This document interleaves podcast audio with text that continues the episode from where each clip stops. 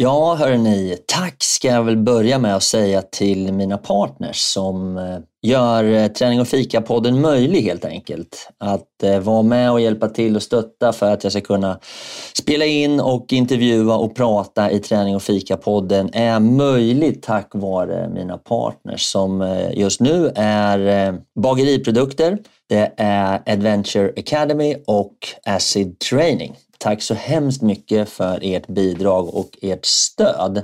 Sen kan man ju då som privatperson också gå in och stötta produktionen genom att eh, ge ett litet bidrag på till exempel Patreon. Det uppskattas väldigt mycket.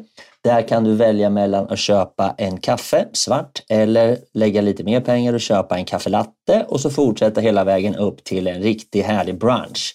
Så ja, tveka inte. Gå in och stötta lite. Det behövs och jag blir glad. Tack ska ni ha. Nu kör vi igång! Have catch yourself eating the same flavorless dinner three days in a row? Dreaming of something better? Well, hello fresh is your guilt free dream come true baby. It's me, Gigi Palmer.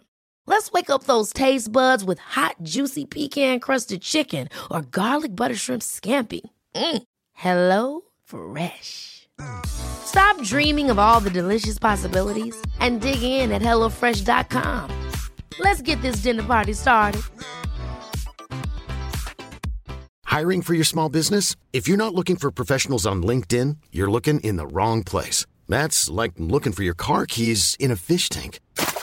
LinkedIn helps you hire professionals you can't find anywhere else, even those who aren't actively searching for a new job but might be open to the perfect role. In a given month, over 70% of LinkedIn users don't even visit other leading job sites. So start looking in the right place. With LinkedIn, you can hire professionals like a professional. Post your free job on linkedin.com slash people today. Hey, it's Ryan Reynolds, and I'm here with Keith, co-star of my upcoming film, If, only in theaters May 17th. Do you want to tell people the big news? All right, I'll do it. Sign up now and you'll get unlimited for $15 a month in six months of Paramount Plus Essential Plan on us. Mintmobile.com slash switch. Upfront payment of $45 equivalent to $15 per month. Unlimited over 40 gigabytes per month. Face lower speeds. Videos at 480p. Active Mint customers by 531.24 get six months of Paramount Plus Essential Plan. Auto renews after six months. Offer ends May 31st, 2024. Separate Paramount Plus registration required. Terms and conditions apply if rated PG. Ja, oh, jag känner att jag ska ha en orange hatt. Nej, okej, okay, kanske inte orange då, men Stor som fan ska den vara. Jajamän. Kan man ta med en liten hatt till sin häst också eller? Nej. Ja, men nu pratar vi om så här, integritet och sånt där. Okay. Man förlöjligar inte hästarna. Nej, nej, det var inte så. Nej. Vi skulle bara känna som vi var mer ihop han och jag. Eller hon. Ja, eller, ja. ja, ja, ja, jag förstår. Exakt. Du försöker med det mesta. Du. Ja, ja, ja, du vet, eh, en liten snabb spanarhäst ute i periferin som bara du ser skymta förbi ibland. Det kommer bli underbart, ja. Mårten. Sådär, vänner och bekanta. Nu var det dags att ta på sig cowboyhatten och hänga med på äventyr. Vi ska prata med Mårten och vi ska prata med Louise och jag ska ta med er upp på ett Norrlandsäventyr på hästryggen. Det kommer bli fett coolt ska ni se. Så nu eh, kickar vi igång avsnitt nummer 21 på podden Träning och fika med mig, Fredrik Eriksson. Varmt välkomna! Träning och fika, vi kör hårt. Träning och fika, blåsa på. Träning och fika går ihop som kaffe och popcorn. Träning och fika, vi kör på. Träning och fika, blåsa på. Träning och fika, nu kör vi! Nu kör vi! Yeah! Jaha, då hälsar jag min kära rektor Louise varmt välkommen till våran podd. Hur är läget? Läget är fantastiskt Fredrik. Det toksnöar ute, det är några minusgrader, sportloven är slut. Det kan inte bli bättre. det är lite mindre stockholmare där uppe alltså. Mm, det var du som sa det, inte jag. Ja, Men vi ja. hade ju en intressant eh, vecka nio här kan man väl säga, Stockholms sportlovsvecka. Det blåste nog så fruktansvärt mycket och var lite för varmt för fjällväder. Så att om det är några stockholmare som lyssnar och var uppe i Funäsfjället, eller fjällen generellt tror jag för den delen under vecka nio. Ja. kom igen en annan vecka, det var inte bra då, det är bättre nu. I mitt eh, Facebook och Instaflöde så märker man ju enorm skillnad på när, det är, när Åre levererar och när det inte gör det. Det här, det här sportlovet var det helt tyst kan jag säga. Åre levererade förmodligen ännu sämre än vad vi gjorde här i Funäsfjällen. Där var det ja. regn och bara banliftar öppna. Mm. Vi hade i alla fall snö och då även banliftarna bara öppna på grund av vinden. Ja, men du, i samband med att vecka nio är över så är också Vasaloppet över och jag kan eh, titta framåt eh, och eh, känner att det börjar bli så småningom, även fast det faktiskt är snö här nere i Stockholm också och riktig vinter, så nu börjar man ändå bli sådär skidklar. Så då börjar det rycka i äventyrstarmen och hitta på roliga saker ute i, i skogen utan längdskidor kanske. Och eh, det är väl lite därför vi börjar tagga igång. Så du och jag ska köra ett gäng eh, äventyrsavsnitt nu tänkte jag lite grann, så det ska bli roligt. Hörru du Louise, den här podden heter ju inte Träning och fika för ingenting. Har du tränat något idag? Ja, men idag har jag faktiskt inte tränat mer än att vara ute och gått med hunden. Men det blir träning till kvällen. Det har varit en intensiv skidåkarhelg, så måndagar brukar faktiskt bli ganska mycket vila för min del. Ja, vad gjorde du i helgen? Och vad gjorde jag inte? Jag har varit på topptur, jag har åkt längdskidor och jag har åkt med ungarna liftburen skidåkning. Vi har SM här nästa vecka, SM i friåkning och min yngsta tjej ska tävla så vi har varit och rekat lite grann i Tänndalen inför kommande SM-bravader nästa helg. Men alltså det är så härligt, alltså ett liv på skidor. Ja, man ja. väljer var man bor helt enkelt. Exakt, det är inte riktigt lika lätt här i Stockholm. Men eh, det lät ju som en riktigt trevlig helg. Hörde du. Det var det, det var fint. Men att tävla i fri, vad skulle du tävla i? Alltså tävla i friåkning, freeride, ja. det är ju storbergsskidåkning. Så till skillnad från ja, men slalom fattar ju alla vad det är, då åker man mellan portar i en backe. Slopestyle eller park, det fattar de flesta också vad det är. Då gör man stora hopp i en park.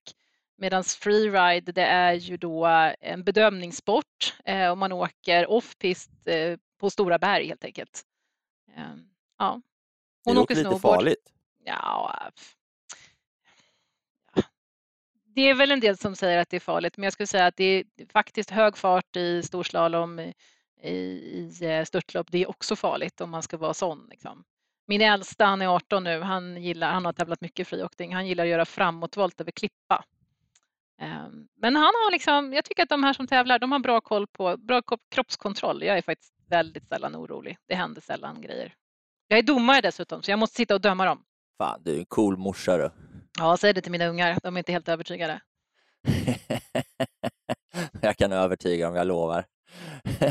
Hörru du, eh, jag tänkte också eh, lite kort bara berätta att jag hade filmpremiär i, i helgen för eh, filmen från vårt äventyr när vi cyklar genom USA. Men och, det är ju häftigt. Ja, och det var fantastiskt roligt och eh, det var kul att träffa alla grabbarna igen och det var kul att, att få bjuda dit eh, nära och kära släkt och vänner och få bjuda på fika gjorde vi såklart och sen så tittade vi på filmen och den där filmen kommer vi då eh, släppa i, idag, måndag.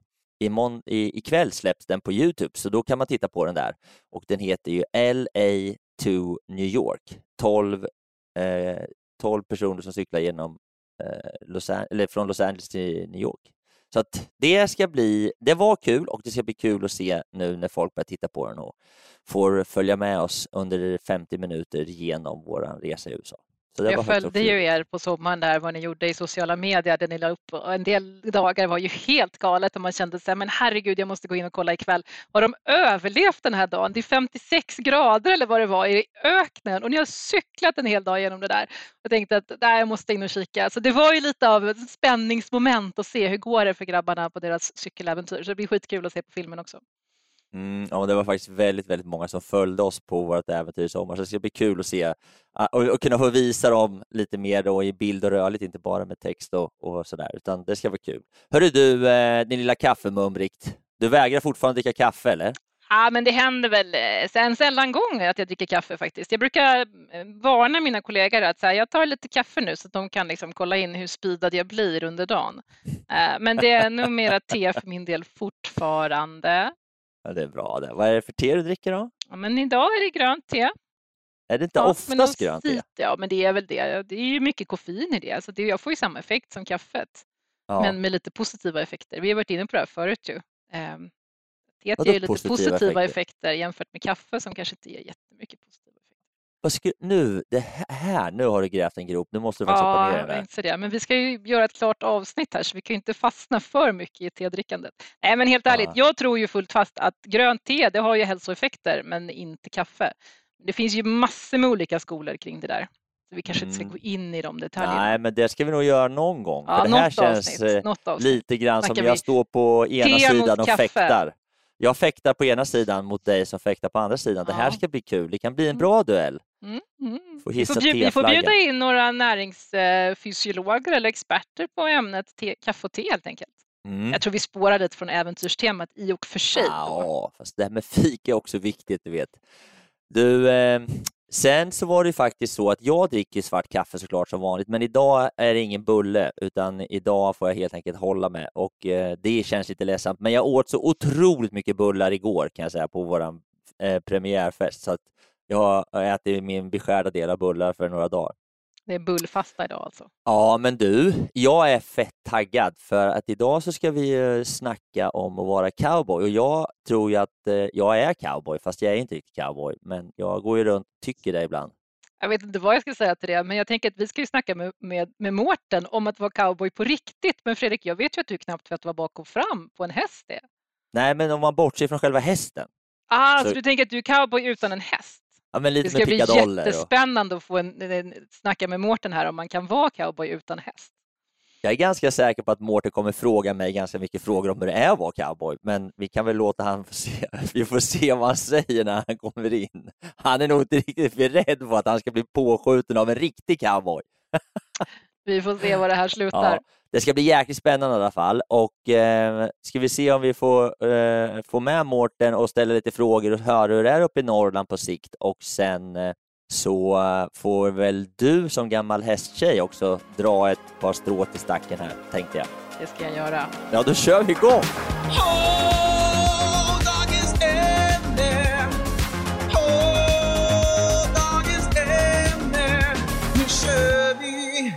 Sådär, då har vi fått med Mårten, en svensk cowboy. Alltså du är cowboy nummer två, det har du inte riktigt förstått än, men det är så det här avsnittet kommer handla om. Mårten, jag är också en cowboy, fast en liten cowboy utan hatt i Stockholm. Med det sagt Mårten, varmt välkommen! Och jag tänkte faktiskt att jag och Louise skulle börja med att ställa frågan till dig Mårten. Kan inte du presentera dig för oss, alla som inte vet vem du är? Jag råkar ju känna dig och Louise också. Jo, men visst kan jag göra det. Eh, jag heter Mårten som sagt var och vill man veta efternamnet så är det Axelsson. Eh, jag bor i norra Uppland och driver eh, tillsammans med en kollega, min maka, ett, en begravningsbyrå. Så det är vad jag sysslar med i det verkliga livet. Ja. Men det man vill hålla på med, det är med cowboygrejen såklart. Äntligen! Ja, där kom det. Och jag vill bara säga det Fredrik, du kan se dig som en cowboy. Men vi andra, vi som håller på med det här, du är en city slicker. Det är inte så dåligt heller. Nu skrattar Nej. Louise. Alltså, det är näst bäst. Ja, då är man på väg, man har en vilja, man vill någonting i varje fall. Ja. Så det är bra. Ja, tack, precis. tack. Jag börjar Ja. där. Nej, men jag som väl som så många andra har ju eh, man har ju eh, levt med någon form av äventyrsbrist. Det är en, liksom, det är en utbredd vuxensjukdom, äventyrsbrist. Så av den anledningen då så eh, för ett antal år sedan så såg jag en liten notis på Facebook om Adventure Academy.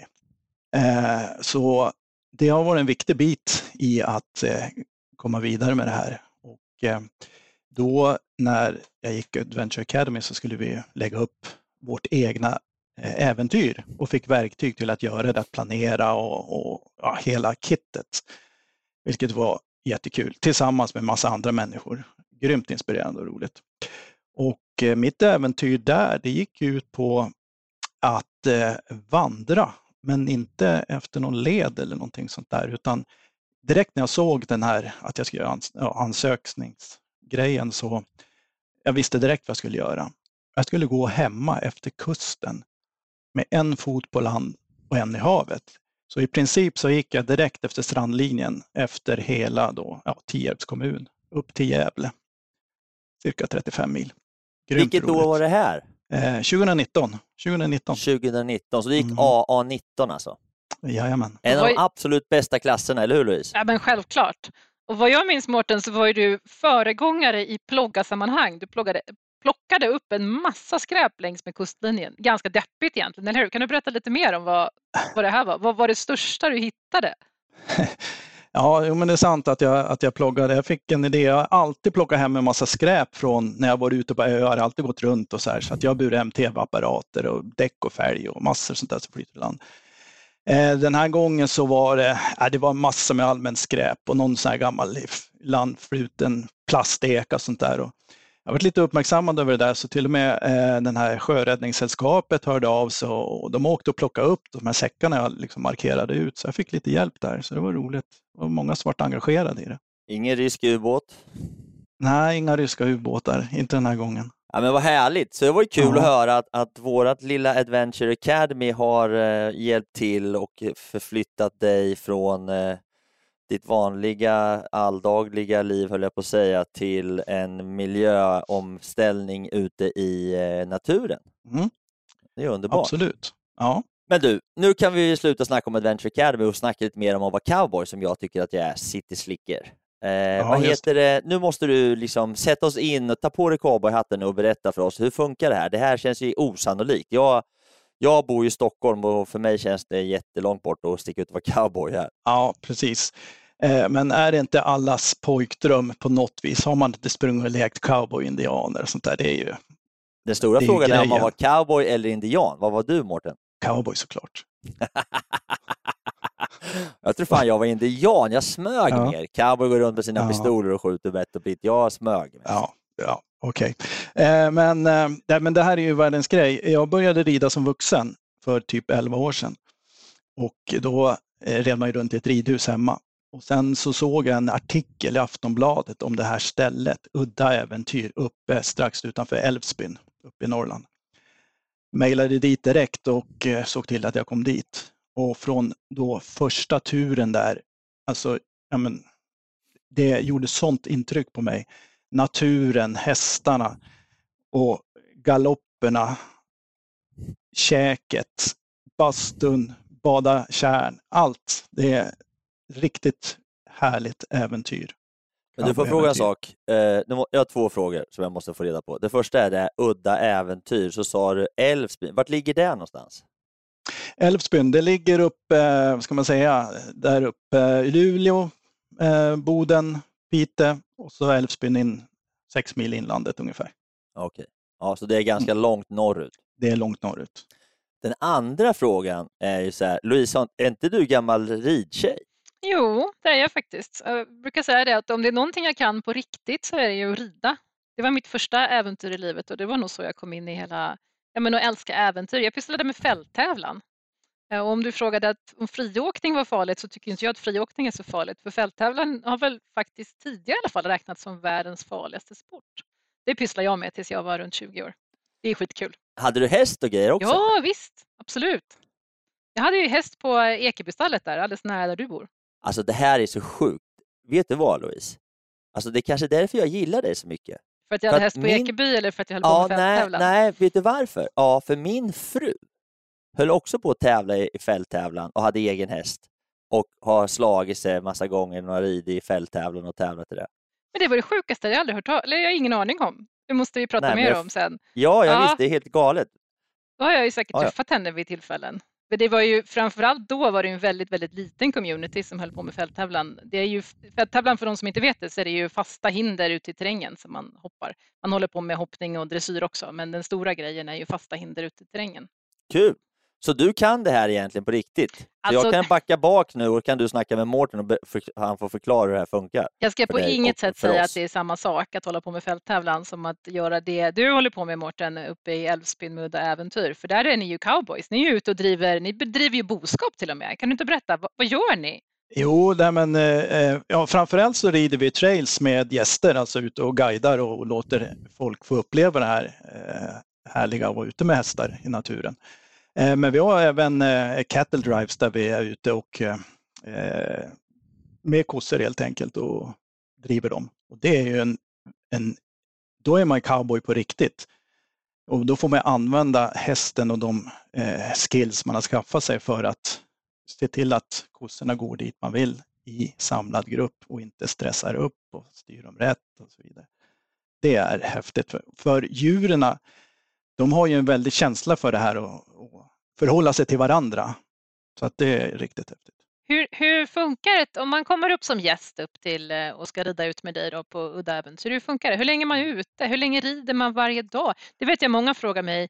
Eh, men får man inte ont i rumpan av att sitta till häst hela dagen? Men sitter man verkligen till häst hela dagen? Eller hur, hur, hur är ett upplägg? Ja, men det ser ut så här att eh, vi är ute, det finns ju olika längd på dem såklart. Två, tre, fyra, fem dagar är väl det vanliga. Eh, det som är att man kommer upp då till ranchen eh, tidig morgon eller kvällen innan och sen då äter vi gemensam frukost första dagen då, snackar ihop oss lite och så vidare. Sen är det så här att eh, uppe på Udda Äventyr, där vill man liksom inte att vi guider ska göra allt jobb och så, utan det får ju gästerna vara med och göra. Så att vi samlas, går igenom hur vi hanterar hästarna, hur vi beter oss när vi ska ut i hagen och hämta hästarna. För alla får själv vara med och gå och hämta sin tilldelade häst. Den häst jag får, det är min häst för hela trailern. Den får jag ta hand om och, och sköta om och se till att den har det bra. Och eh, så då, vi ger instruktioner hur man sätter på då grimman och, och mycket annat och så går vi ut och hämtar våra hästar. Eh, knyter upp dem och så får, hästarna, eller får gästerna då, ja, borsta hästarna och sen instruerar de i, i hur vi lägger på pads, hur vi lägger på sadlar och sen så tränsa på och så vidare. Så att gästerna är med hela tiden i det där och eh, det tar ju sin beskärda del av tid såklart. Så den, den eh, moderna stadsmänniskan kan ju lätt bli lite nervös för det händer ju ingenting. Och, eh, men det är själva grejen. Det går inte att stressa med hästar. Det tar den tid det tar och framförallt om man ska vara med om den här häftiga möjligheten att lära känna hästen, då, då måste det ta tid. Och det tar tid innan folk liksom accepterar det att här är ingen stress. Det är ingen som tittar på klockan. Du frågar hur länge vi var ute per dag. Det, det varierar eh, på grund av väderlek, vilken väg vi tar, har vi erfarna gäster eller oerfarna? Är det vinter så tar det betydligt längre tid. För vi rider vinter Och då menar också. du att det är framkomligheten, att det tar längre tid att ta sig fram i snön helt enkelt? Ja, precis. Ja, ja. Så, så är det ju. Och då får ju på vintern får man ju turas om och, och, och gå i täten då och spåra helt enkelt. För att det är tyngre och jobbigare för hästarna. Så man kan aldrig säga, och det är också en sak som folk är, eh, inte är van med. De vill ju ha en tid. När är vi framme? Ingen som vet. Vi är framme när vi är framme. Det låter som ett skitbra äventyr för en city slicker med lite tidsstress som vill veta att allting ska hända exakt samma tid. Eller vad säger du Fredrik? Ja, men exakt.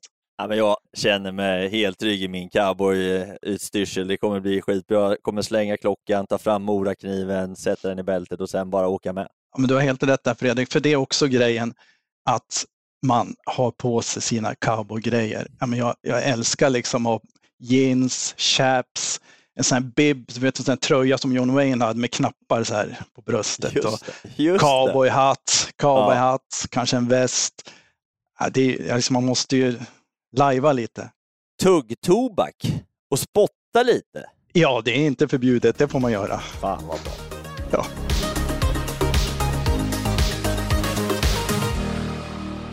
Men du Mårten, vad är det för hästar ni har?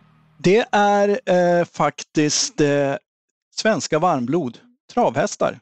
Mm. Eh, travhästar som har blivit omskolade då. Och eh, de kommer ju upp och då har de ju, eh, de är ju hanterade och så, så de är vana med människor och så där. Så att, men de måste ändå tränas upp och de kommer ju från olika miljöer, olika, de är olika i sin utveckling. Men uppe där så är det då Rickard Öhman som, som driver Udde Äventyr tillsammans med PG Lindberg. Men det är Rickard som är hästkarln, det är han som verkligen kan det här. Och eh, så Jag har ju faktiskt tränar träffat de. Rickard för, jag har träffat Rickard för många år sedan i, i Hemavan när de drev eh, Udda Äventyr i Hemavan. Då var vi ute och Mm. red på vintern och precis så som du säger så var det ju riktigt djupt med snö. Det var nog bland, jag har ridit mycket i mitt liv på många konstiga ställen. Men just att galoppera i den här fantastiska pudersnön och liksom hästarna bara, ja, det, var, det var häftigt. Han är en, en häftig kille. Man, Ja, verkligen, verkligen. Ja, ja det är han. Det är han. Eh, och sen eh, grejen där uppe med med hästarna, de kommer ju dit, eh, ja, travhästar, de är inte utbildade för västernridning. Och västernridning, det är inte det här man ser på tv när det är tävling, va? utan det här är ren, det är bruksridning. Man ska kunna rida dem som cowboys, inte för att showa liksom, utan det är på riktigt. Sen går ju de på lösdrift ute i hagen. De går ute dygnet om, alla väderlekar. Eh, de har ju såklart eh, ligghall och ja, vindskydd och så vidare, men annars går de ute 25 hästar. Och där springer de omkring och jagar varandra och busar och grejer och så, så att de gör ju av med mycket energi när de är ute i hagen. Så när vi väl tar hand om dem så är de, de är safe, de är lugna och fina att göra med. Mm. Hur många hästar finns det? Eller hur många har de där uppe? Eh, ja, i dagsläget ska jag tippa 25. Kan vara någon plus. Hur många är man i en grupp som sticker iväg sådär då? Eh, mellan 10 och 12, fler ska man ju helst inte vara, så att, eh, jag tror vi har en gräns nu på 10 för att det ska bli bra både för gäster och för guider och, och för att hästarna med ska hålla bra för hela säsongen. Eh, men eh, eh, ja. Så man rider alltså en hel dag? Alltså hel, hela konceptet tar en hel dag, för när vi väl kommer iväg eh, och rider iväg, så då har vi några timmar i sadeln och det kan vara allt emellan ja, fy, fyra till sex timmar kanske normalt sett. Och då på vägen också så stannar vi och lunchar. Eh, du vet, öppen eld och stekpanna och steker på lite palt eller någonting sånt där gott. Men hur funkar det då? Har ni, med, har ni sadelväskor så ni har med er allting eller har ni följebil eller har ni lagt ut grejer på förhand? Eller hur, hur funkar logistiken kring en sån där övning? Ja, för, för dagen så där, där, har vi med i, i sadelväskorna mat och, och sånt vi behöver helt enkelt. Eh, sen eh, det vanliga konceptet ser ut så att vi rider från ranchen upp till en camp som vi har. Med, eh, som ligger vid en kärn, vid brännkärn och där har vi timmerstugor och eh, utan elektricitet. Vi har en bastu vedeldad och vi har eh, ett kök med en gasspis. Och, eh, så dit rider vi upp och så är vi där och så gör vi dagsturer därifrån. Och upp dit så kör vi ju då eh, resväskor och övrig mat och så vidare. Så vi har det som, som den centralpunkten då, vi utgår ifrån. Så det låter som att även den moderna stadsmänniskan kommer ha det tillräckligt bekvämt för att det inte ska kännas allt för obekvämt. Men det kommer kännas lite sådär lagom, eller? Ja, ja men lite så är det såklart. Eh, det är till och med alldeles för bra mobiltäckning där uppe. Ja, det vill man ju helst inte ha faktiskt. Nej, helst inte. Nej. Man, men man har med sig fikan alltså, Mårten? Det är där man tar med sig bullarna? Jag skulle definitivt rekommendera att du tog med dig bullar. det eftersom bra. det tar lång tid till nästa Tror du att min häst skulle gilla mig ännu mer om jag gav en bulle? Skulle en häst äta bullar? Du, du skulle inte få chansen för det är totalförbjudet Aha. att ge hästarna någonting. Du, du matar dem inte för hand. All mat du få, de får, det lägger vi på marken. Inte och det finns en tanke bakom det socker har du kanske i kaffe, men vi ger inte hästarna sockerbitar. Så enkelt är det. Fy åh vad de har det tufft. Alla hästar gillar sockerbitar Mårten, det vet du väl? Ja, men vi vet bättre. det är bra. Så enkelt, ja. Så är det. Hur kommer det sig då? Varför matar man dem inte i handen? Eh, nej, det är ju för att eh, en häst som blir van att få någonting hela tiden, den börjar ju söka upp det där börjar söka, vad har du i fickorna, vad har du i händerna? Och då, då, blir han ju, då går ju han på oss. Och det ska de inte göra. Utan vi måste kräva vårt space. De ska inte gå in i oss, utan de ska vika. Vi ska ju ändå vara ledare för dem så att de kan komma fram men de stannar på behörigt avstånd. Annars får vi markerat hit men inte längre. För Det där är en stor del i det här med horsemanship. Att vi leder, vi ska vara ledare för hästarna och vi ska umgås med dem också på ett sätt som de själva gör. För så beter de sig mot varandra. Att de, de rangordnar sig och så är det någon som talar om det att, att nej men du går inte närmare mig så här. För gör du det, då, då gör jag någonting. Och det första de gör det är att markera med öron och annat sådär. Så de att nej men nu är det inte okej, nu får du stanna där. Mm, spännande. Men du, när man ja. väl sitter på den här hästen sen då? Mm. Och så ska man ge sig ut i skogen eller naturen eller stigen eller vägen. Eller vart, hur går det till? Liksom, vart rider man? Och... Eh, ja, men vi börjar med på, på gårdsplan och vi ger lite instruktioner och man får känna på lite och sådär. Men ganska snart så rider vi iväg. Och eh, då börjar vi med lite skritt i början och beroende på vilken väg vi tar så många blir förvånade. Eh, efter bara ett par hundra meter så har vi en älv som vi ska först ner för en brant strandbrink över älven och sen upp för nästa. Men har man gjort det och klarat av det, då har man klarat av en stor sak som man aldrig trodde man skulle göra. Och sen därefter fortsätter vi på trailern och det är ju ute i natur. Det är inga, eh, det har ju blivit upptrampade stigar för att vi rider där, men det är ju inte ridvägar så att säga.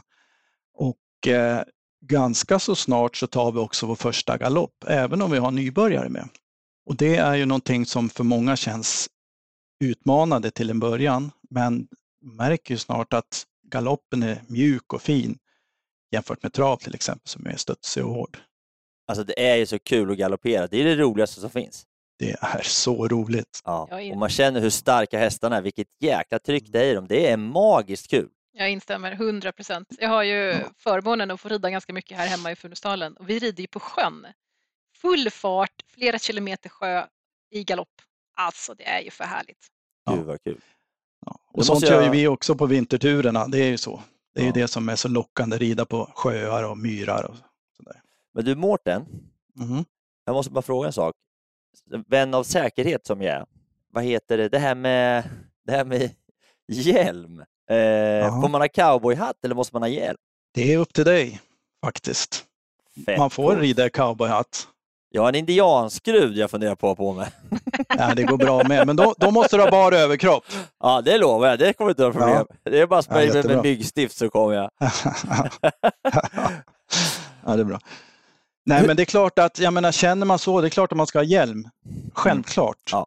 Det är inte frågan om det, utan det ska man ha. Men det finns ju också någonting, ett eget ansvar, en form utav, jag menar vad längtar vi efter? Frihet på något vis, få lägga av allting. Mm. Och jag tycker det är så häftigt.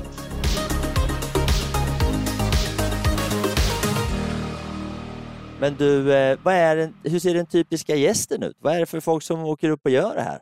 Jag skulle säga att det är alla typer av människor, men det är ju alla som anmäler sig själv, alltså jag och min kompis vill komma och så vidare, de gör ju ett aktivt val. Så de vill ju någonting. Och då går det bra. Eh, erfarenhet eh, är ju bra, men vilja går ju före erfarenhet skulle jag säga. För vill man det här, då fixar man det.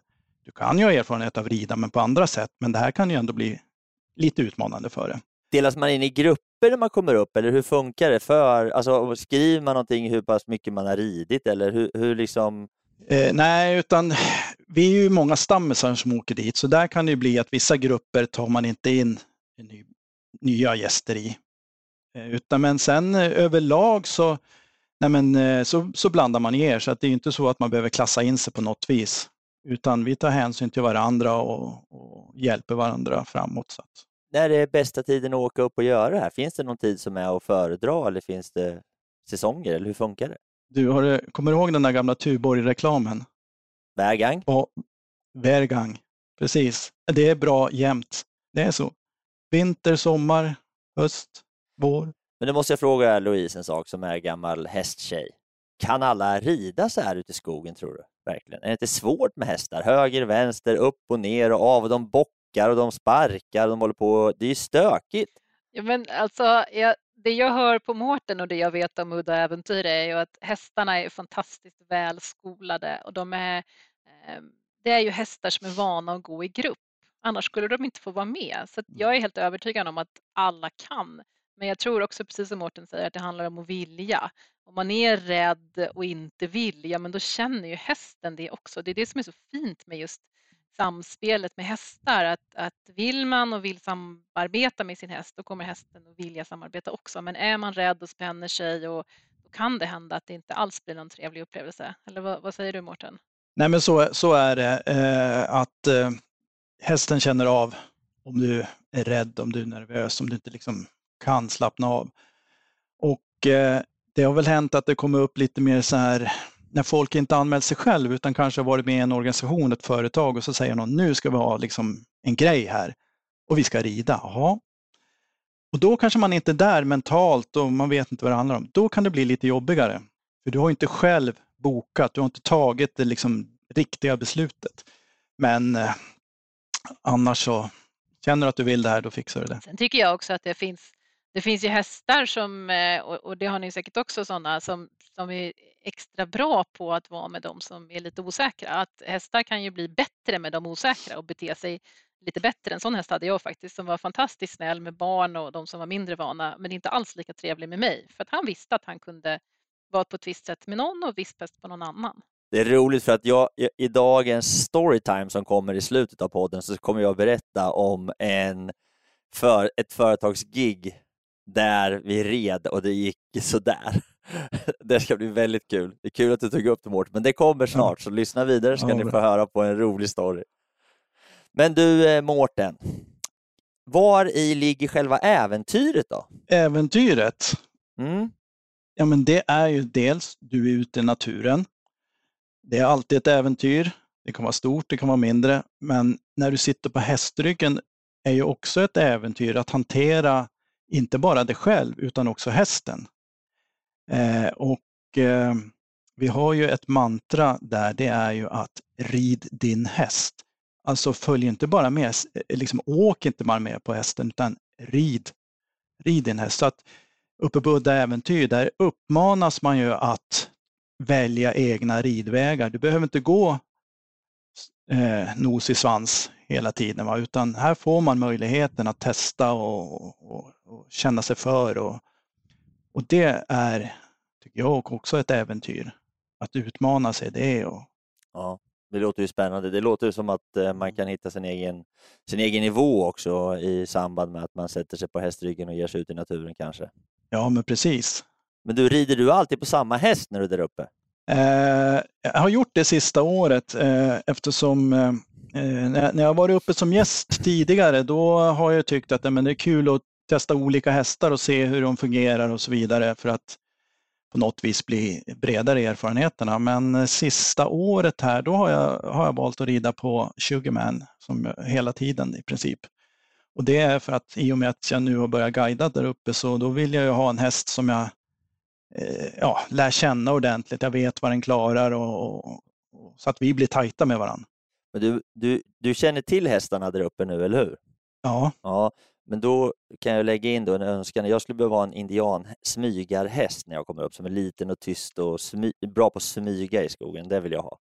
Jag kan smyga runt lite. Ja, men all, indian alla smyger, du vet. De, de är inte skodda de här hästarna, vet du, så att de, de går barfota så att det är tyst och mjukt. Och Vadå skodda? Är de inte skodda? Har de inga sådana här... Nej. Äh... Hästskor? Nej. Nej, Nej, de går barfota. Ja, du ser. Hur, hur är sadlarna förresten? Ja, men det är sådana balla västensadlar. Så man sitter bra, eller? Man sitter jättebra. Jo, man sitter faktiskt bra och eh, sitter man bara rätt då får man inga skavsår heller. Så att... Ja, men alltså jag som då är från Stockholm och tycker så här, vart har man sin kaffelatte och vart finns det hållare i sadeln för sånt? Eller hur, gör, hur funkar det? Liksom?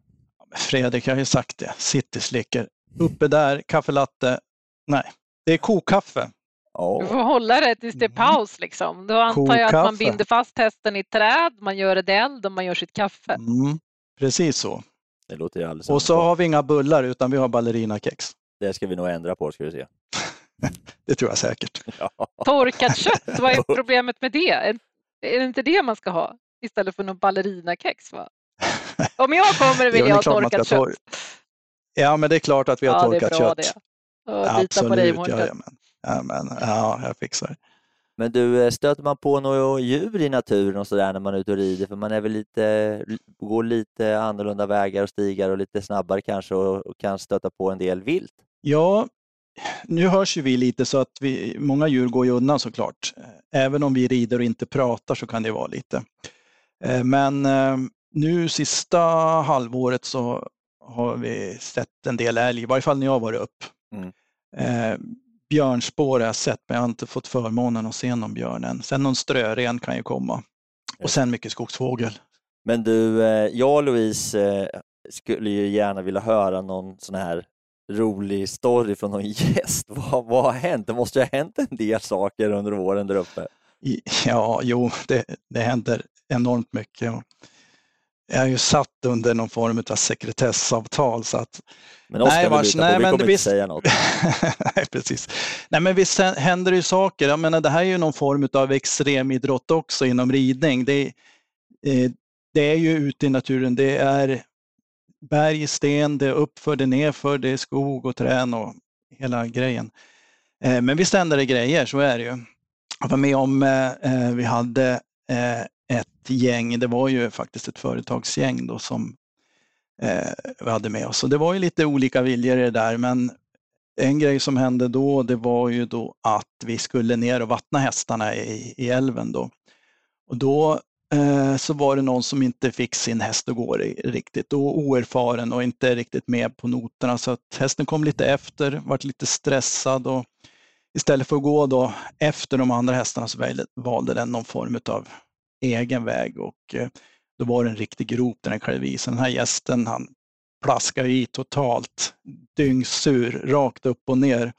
Det var ju på höstkanten så lite kallt men, eh, men det var en tuff liten kille för när han kom upp så så först han sa bara, det här har jag gjort på cykel också, så tydligen har han cyklat ner någon älv någon gång. Så att, men det resulterade i att vi, vi andra fick ju klä av oss och dela ut kläder och sådär. Så att, eh, ja, men det där är bara en liten grej, men eh, händer det saker så man får lösa det liksom i situationen och den här gästen han var ju så positiv, han, han skrattar ju bara åt det. Så att, men det är så här små saker som kan hända.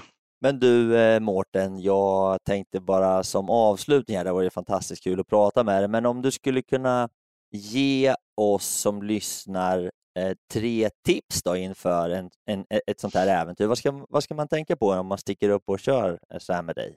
Tre tips. Eh, gå in på Udda Äventyrs hemsida och titta vad det handlar om och eh, liksom inspireras av det och känna att ja, men jag, jag vill göra det här. Det är nummer ett. Nummer två, du eh, går och köper dig en liten flickplunta som du fyller med lite bourbon. Tar med dig den. Underbart! Och sen, det är inte säkert att du får den hatt du vill när du kommer dit, så skaffa dig och ta med den hatten du trivs i också. En sen egen? Är det safe. Ja, en egen fickplunta och en egen cowboyhatt? Ja, sen fixar vi resten. Det låter ju underbart. Eller ja, hur? Jag bokar in mig direkt. Vi måste dit. Ja, vi, ja, vi, måste ju ja. vi får ju dra dit ihop Fredrik. Vi får dra ihop ett gäng äventyrare ja. så får vi dra på ja. ett riktigt äventyr. Ja, Klart jag känner att jag ska ha en orange hatt. Nej, okej, kanske inte orange då, men stor som fan ska den vara. Jajamän. Kan man ta med en liten hatt till sin häst också, eller? Nej. Ja, men nu pratar vi om så här, integritet och sånt där. Okay. Man förlöjligar inte hästarna. Nej, nej, det var inte så. Nej. Vi skulle bara känna som vi har mer ihop, han och jag. Eller hon. Ja, eller, ja. ja, ja, ja, jag förstår. Exakt. Du försöker med det mesta. Du. Ja, ja, ja, du vet, eh, en liten snabb spanarhäst ute i periferin som bara ser skymta förbi ibland. Det kommer bli underbart, ja. Mårten. Ja. Ja, men vad härligt. Du, eh, vi tänkte faktiskt inte avsluta med dig, utan vi tänkte be dig hänga kvar, för vi har fått faktiskt en fråga som vi tänkte ta så småningom här, jag och Louise. Så då kanske vi kan få lite stöd av dig i den frågan, för det handlar om eh, äventyr och ridning, eller hur? ja, men det stämmer bra det. Jag hänger kvar. Men du, eh, då tackar vi dig så hemskt mycket för nu, Mårten. Eh, det här låter underbart spännande och någonting som jag tror att många av oss skulle må både bra av och få stor glädje av. Så eh, tack så hemskt mycket Mårten. Tältskvaller!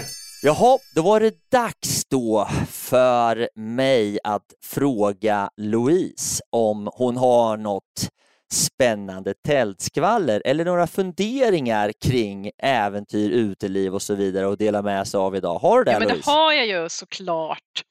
Eh, och jag tycker att jag har en så himla bra grej den här veckan.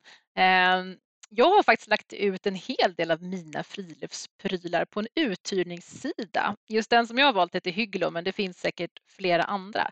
För att fler ska kunna komma ut i friluftslivet utan att nödvändigtvis behöva köpa på sig grejer och göra dyra investeringar. Så mitt, och det här känns det som en, en grej i tiden och fler och fler börjar använda de här tjänsterna. Det är mitt veckans tältskvaller. Att låna eller hyra prylar istället för att nödvändigtvis köpa nytt och konsumera mera. Testa vad man gillar, prova ett nytt tält. Kanske man inte trivs med det, då behöver man inte ha köpt det utan då har man hyrt eller lånat det. Fantastiskt bra grej, både för plånboken och klimatet. Eh, och så kopplar jag lärt känna massor med nya människor på det här sättet också. Eh, så det var som en extra liten bonus och på så sätt kan man ju till och med få nya äventyrskompisar. Underbart! Då tackar vi för lite tältskvaller. Mm. Kul va? Ja, Ja. Härligt!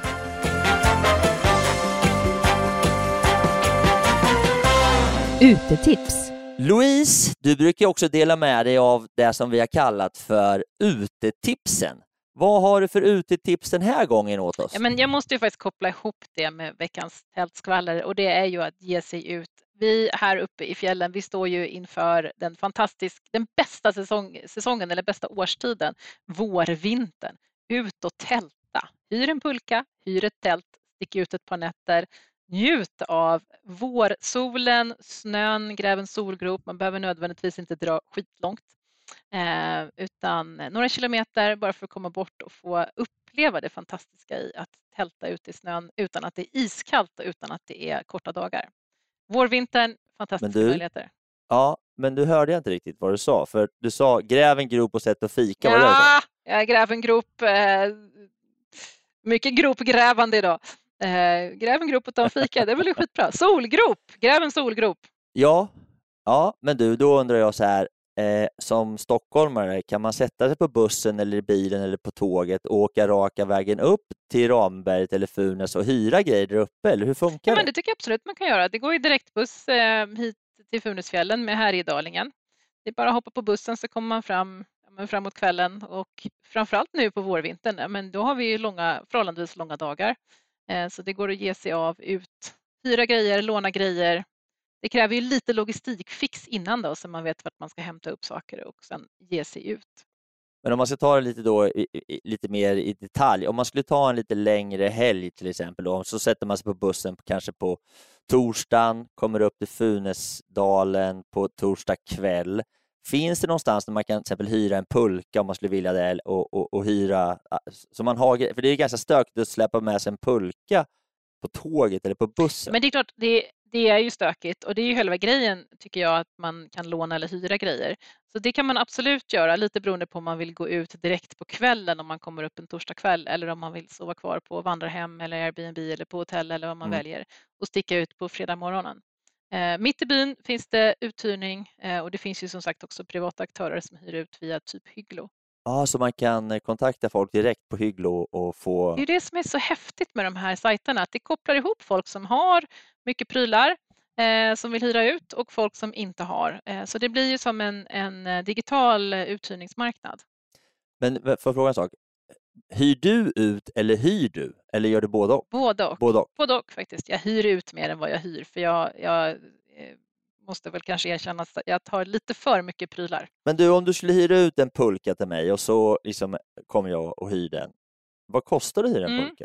Vad kan det ligga på? Jag vet faktiskt inte. 150 kronor om dagen kanske? En packpulka? Men vad skulle hända om jag då åker ner för och trillar och, och råkar bryta en, en eh, bryta liksom en sån här, vad det kallas, som, som håller i pulkan. Det är ju så här som man har som sitter. En skackel? Ja, en skackel, ja precis, tack. Ja. Men det är ju det fina med de här uthyrningssidorna, att man inte gör det. Det är klart att man kan kontakta varandra och hitta varandra via Facebook eller något sånt där, men de här uthyrningssidorna, de har ju en försäkring som ingår. Så man betalar lite extra både som uthyrare och som hyrestagare för en försäkring. Och det är det som jag tycker är fina i de här tjänsterna, att det faktiskt är, det är någon som har tänkt ut allt det där praktiska eh, kring försäkringar och avtal och villkor och allt sånt där. Så i, om, jag då, om jag nu ställer frågan lite konkret, och nu råkar jag veta att du vet det mesta här. Om jag skulle sätta mig på bussen, åka upp till Ramis på, eller Funäs på torsdag, kommer upp torsdag kväll, bokar ett hotellrum, sover en natt, går ner till butiken, då kan jag i princip då, utan att ha någon bil eller någonting där, hyra mina grejer, ta mig upp och gå på fjället på ledade stiga eller ledat eh, på fredagen, sova någonstans i ett tält som jag också kan hyra och sen eh, åka på lördagen och sen checka in på hotellet på lördag kväll och ta bussen hem på söndag. Absolut. Det funkar alldeles utmärkt och jag tänker att man till och med ska vara ute och åka till, till söndagen. Jag tror att bussarna mot Stockholm, om vi nu utgår från att de flesta bor i Stockholm, för det verkar ju vara så. Eh, bussarna mot Stockholm går ganska sent på söndag eftermiddag så man kan få en fin sista natt på fjället och, eh, och en ganska lång skidtur för att sen komma tillbaka och ta bussen eh, tillbaka till storstan på söndag kväll. Så man kan alltså få i princip eh, fredag, lördag och halva söndag ut på fjället? Yes. Det är fantastiskt. Visst är det? Ja. Det är superhärligt. Men du, vilket bra tips! Tack så mycket Louise! Veckans fråga! Du måste våga ställa veckans fråga. Veckans fråga! Ah, baby. Så där, då var det äntligen dags för veckans fråga. Och eh, jag har ju som vanligt inte speciellt mycket koll, eh, utan jag utgår från att eh, Louise, du har fått en fråga på ett Instagram, förmodar jag, hoppas jag, vet jag inte, och, och så får vi se vad det kan vara. Ja, men det stämmer det. Vi har ju fått en fråga här på vårt Instagram från Lennart som undrar varför görs det så få hästäventyr i Sverige? Och det var ju fantastiskt bra att vi fick den frågan nu när vi har Mårten också med i podden. Så vad tror du Mårten, varför görs det så få hästäventyr i Sverige? Ja, om man med hästäventyr menar att man är ute själv med hästen och gör det på egen hand, så att då är det säkert så att det, man ser inte så mycket i varje fall. Och eh, jag tror att det är mycket logistikfrågor helt enkelt. För att eh, är du ute själv, ja men du kan bära med dig din mat i, i ryggan och du klarar en vecka alla gånger. Men ha med sig allting eh, på en häst, det krävs ju kanske att du har flera packhästar och annat och det blir ju mycket att rodda med och så vidare. Så att eh, det är lite mer att hålla på med så att det tror jag en, kan vara en stor del. Logistik alltså? Ja, Jag håller med. Och det, är ju, det finns ju såna här rideleder runt om i landet så man kan rida en led och sen är det ihopkopplat med stall och man kan stalla upp hästen och man kan ha boende och så vidare. Men det kräver ju att man har sin egen häst och, ja, men, och man ska köra dit och det är som inte bara en själv man ska ta hand om utan det är den här hästen också. Så att jag, jag håller helt med dig Mårten att det, det är ganska mycket logistik men däremot väldigt häftigt att, eh, att göra ridäventyr. Så det hade varit roligt att få höra lite mer om just hästäventyr. Om det är någon där ute som lyssnar på podden eh, som har hört om eller kanske själv har gjort eller skulle vilja göra ett ridäventyr. Hör av er och berätta. Ja, vilken bra idé som kan inspirera oss lite grann och, och även eh, också då kanske komma med lite tips. Vi har ju haft genom åren på Adventure Academy några som har eh, tänkt att de ska rida delvis under sina äventyr. Eh, men det har oftast eh, inte riktigt funkat av olika anledningar. Så det hade ju varit superhäftigt att ha med någon deltagare som gör ett, ett hästäventyr. Ja, det hoppas jag. Det vore så kul. Jag tror faktiskt att det har varit med hästar lite här och var under årens lopp. Det har ju varit ganska många. Men jag, precis som du säger så tror jag att de, det blir inte rena hästäventyr för det är helt enkelt för svårt i dagens samhälle att tror jag, få, få till det här med rasthållning och foder och, och hela den biten för hästarna. Men det är kanske, eller vad tror du Mårten, finns det något ställe där man kan åka från A till B liksom, eller rida? och men det som Louise sa, jag vet att det finns eh, någonstans, jag menar eh, söderöver, att det finns några ridleder och sådär. Eh, Men som sagt var, vill man rida helt fritt och det jag tänker med ett äventyr det är att klara sig själv och, och eh, lösa situationen. Antingen får man lägga upp depåer eller prata med folk så att man vet att man kan få lite stöd och hjälp på vägen. Men alltså jag håller med, det vore ju drömmen att få ge sig ut själv på det viset och lösa, lösa grejerna. Ja, Äventyret. jaga björn. Absolut. Självklart Fredrik, vi jagar björn med häst. Det blir, jag ser fram emot att hänga med på ditt äventyr. Björnjakt kommer- med häst. Det, det kommer bli grymt.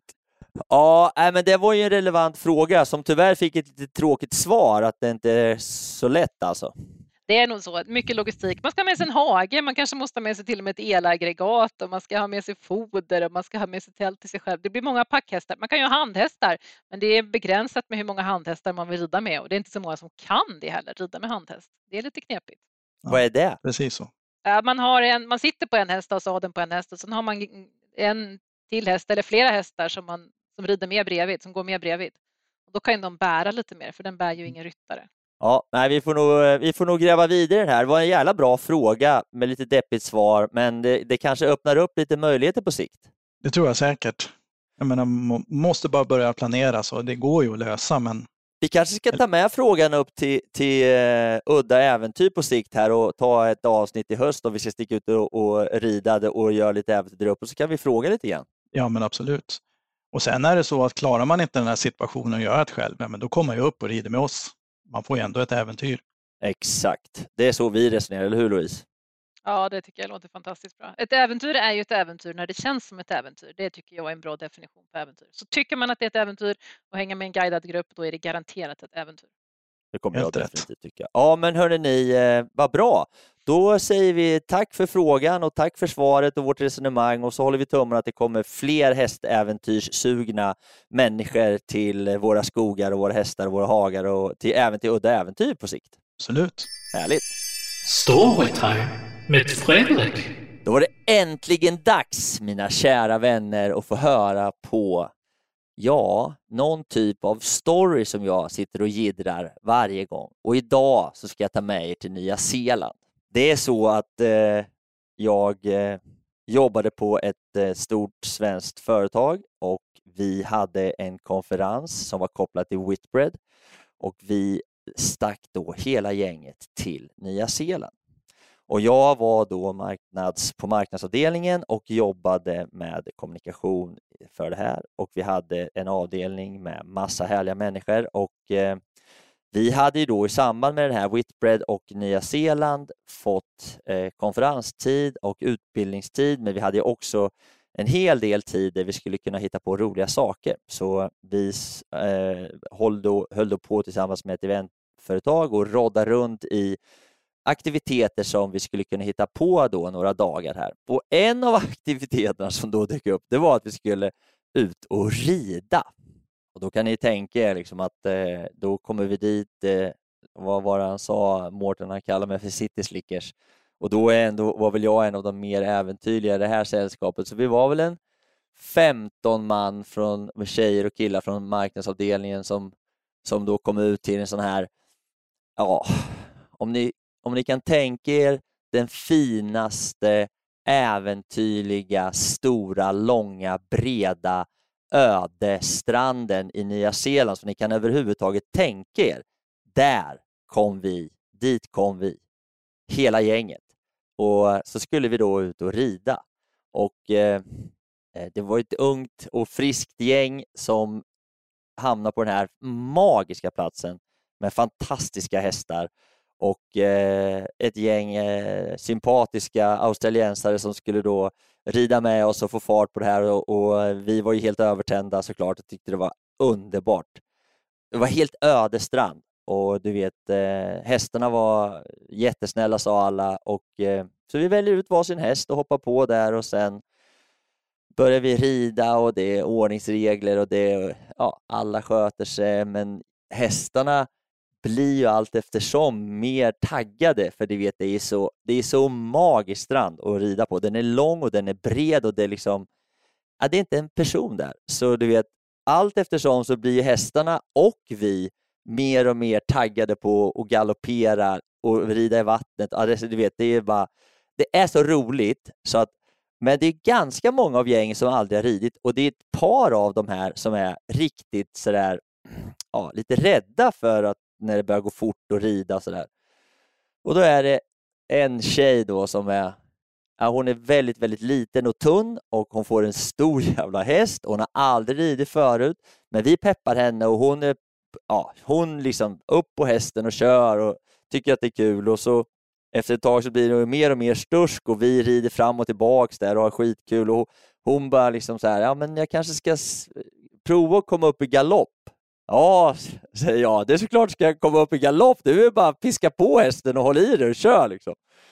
Oh, och jag hör hon tvekar och frågar lite andra och pratar med en av instruktörerna. Och hon, hon rider väldigt försiktigt, men så ser man ju på den här hästen liksom att den är mer och mer så här, ja, den börjar ju studsa för alla andra springer runt där som fasiken. Och sen, ja, vid något tillfälle där efter ett tag då, så, se, så ser jag liksom i ögonvrån när jag, jag är ute och rider ganska, galopperar, men då kommer det ju en häst i, bakifrån liksom i full galopp med öronen bakåt och någonting som fladdrar liksom. Och då har ju hästen skenat med henne på. Så den, den rider ju för, hon rider ju förbi mig och jag på riktigt, hon hänger liksom. Hon har inga fötter i stigbyglar, hon bara sitter och skuttar och fötterna är rakt bak på liksom Alltså det är helt galet och den här hästen den rider så jävla fort och efter kommer då tre ledare ridande i full galopp och ska försöka få stopp på det där. Ja, det slutar ju med katastrof, men ingen slår sig. Men jag, du vet, när jag ser henne komma svischande förbi mig, jag höll på att dö. Liksom. Tror du verkligen att jag ska få upp den här i galopp? Jajamän, så jag. Det är inga problem, det är bara att köra. Ja, hon var, hon, hon, eh, hon var glad att hon överlevde, men det var väldigt roligt för oss andra i alla fall. Och det gick ju bra som tur var, men man inser ju då vilken kraft det finns i hästar. Och, och, eh, men det var i alla fall en fantastisk upplevelse för mig att, att få rida på den där stranden som var helt gudabenådad och det var fina hästar och en fin dag, men det var också ett ganska roligt när hon kom flygande förbi hela gänget, hängande i hästemanen. Liksom. Hörni, det var dagens häststory. Jag kan säga att jag har inte så många häststories på lut. Det här var ungefär den enda. Jag har faktiskt en till när jag tänker efter. Den ska jag ta någon annan gång. Hörni, tack för idag. Vi hörs lite senare. Kram på er allihopa.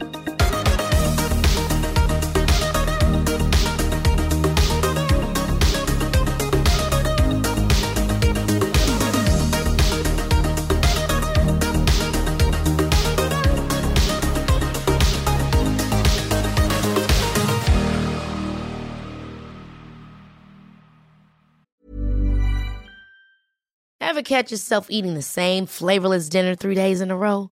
Dreaming of something better? Well, HelloFresh is your guilt-free dream come true, baby. It's me, Kiki Palmer.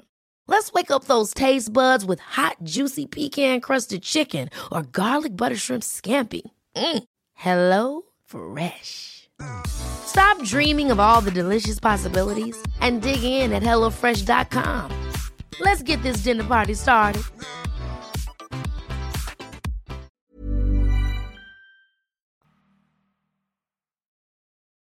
Det var allt för den här gången hörrni och jag tänkte avsluta lite kort med att återigen tacka mina fantastiska partners och sponsorer som är Bageriprodukter, Acid Training och Adventure Academy. Och eh, återigen, har du en krona över eller är helt enkelt sugen på att bjuda på en kaffekopp så gå in på min Patreon och eh, köp en kaffe, en kaffelatte eller en hel brunch så kan jag fortsätta spela in podden, producera nya härliga avsnitt och eh, fortsätta att underhålla dig. Hoppas du har haft en fin lyssning och att vi snart hörs igen. Tack så mycket. Hej då!